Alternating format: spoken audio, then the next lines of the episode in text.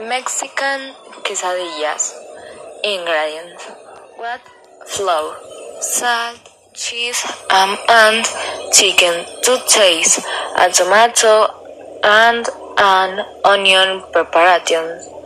Mix the white flour with a pinch of salt and a cup of water to obtain an homogeneous mass.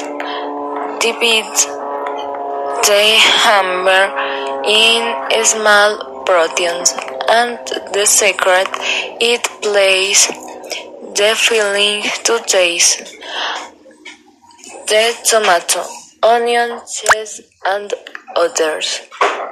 Enter the oven for 20 minutes and the wheat plate.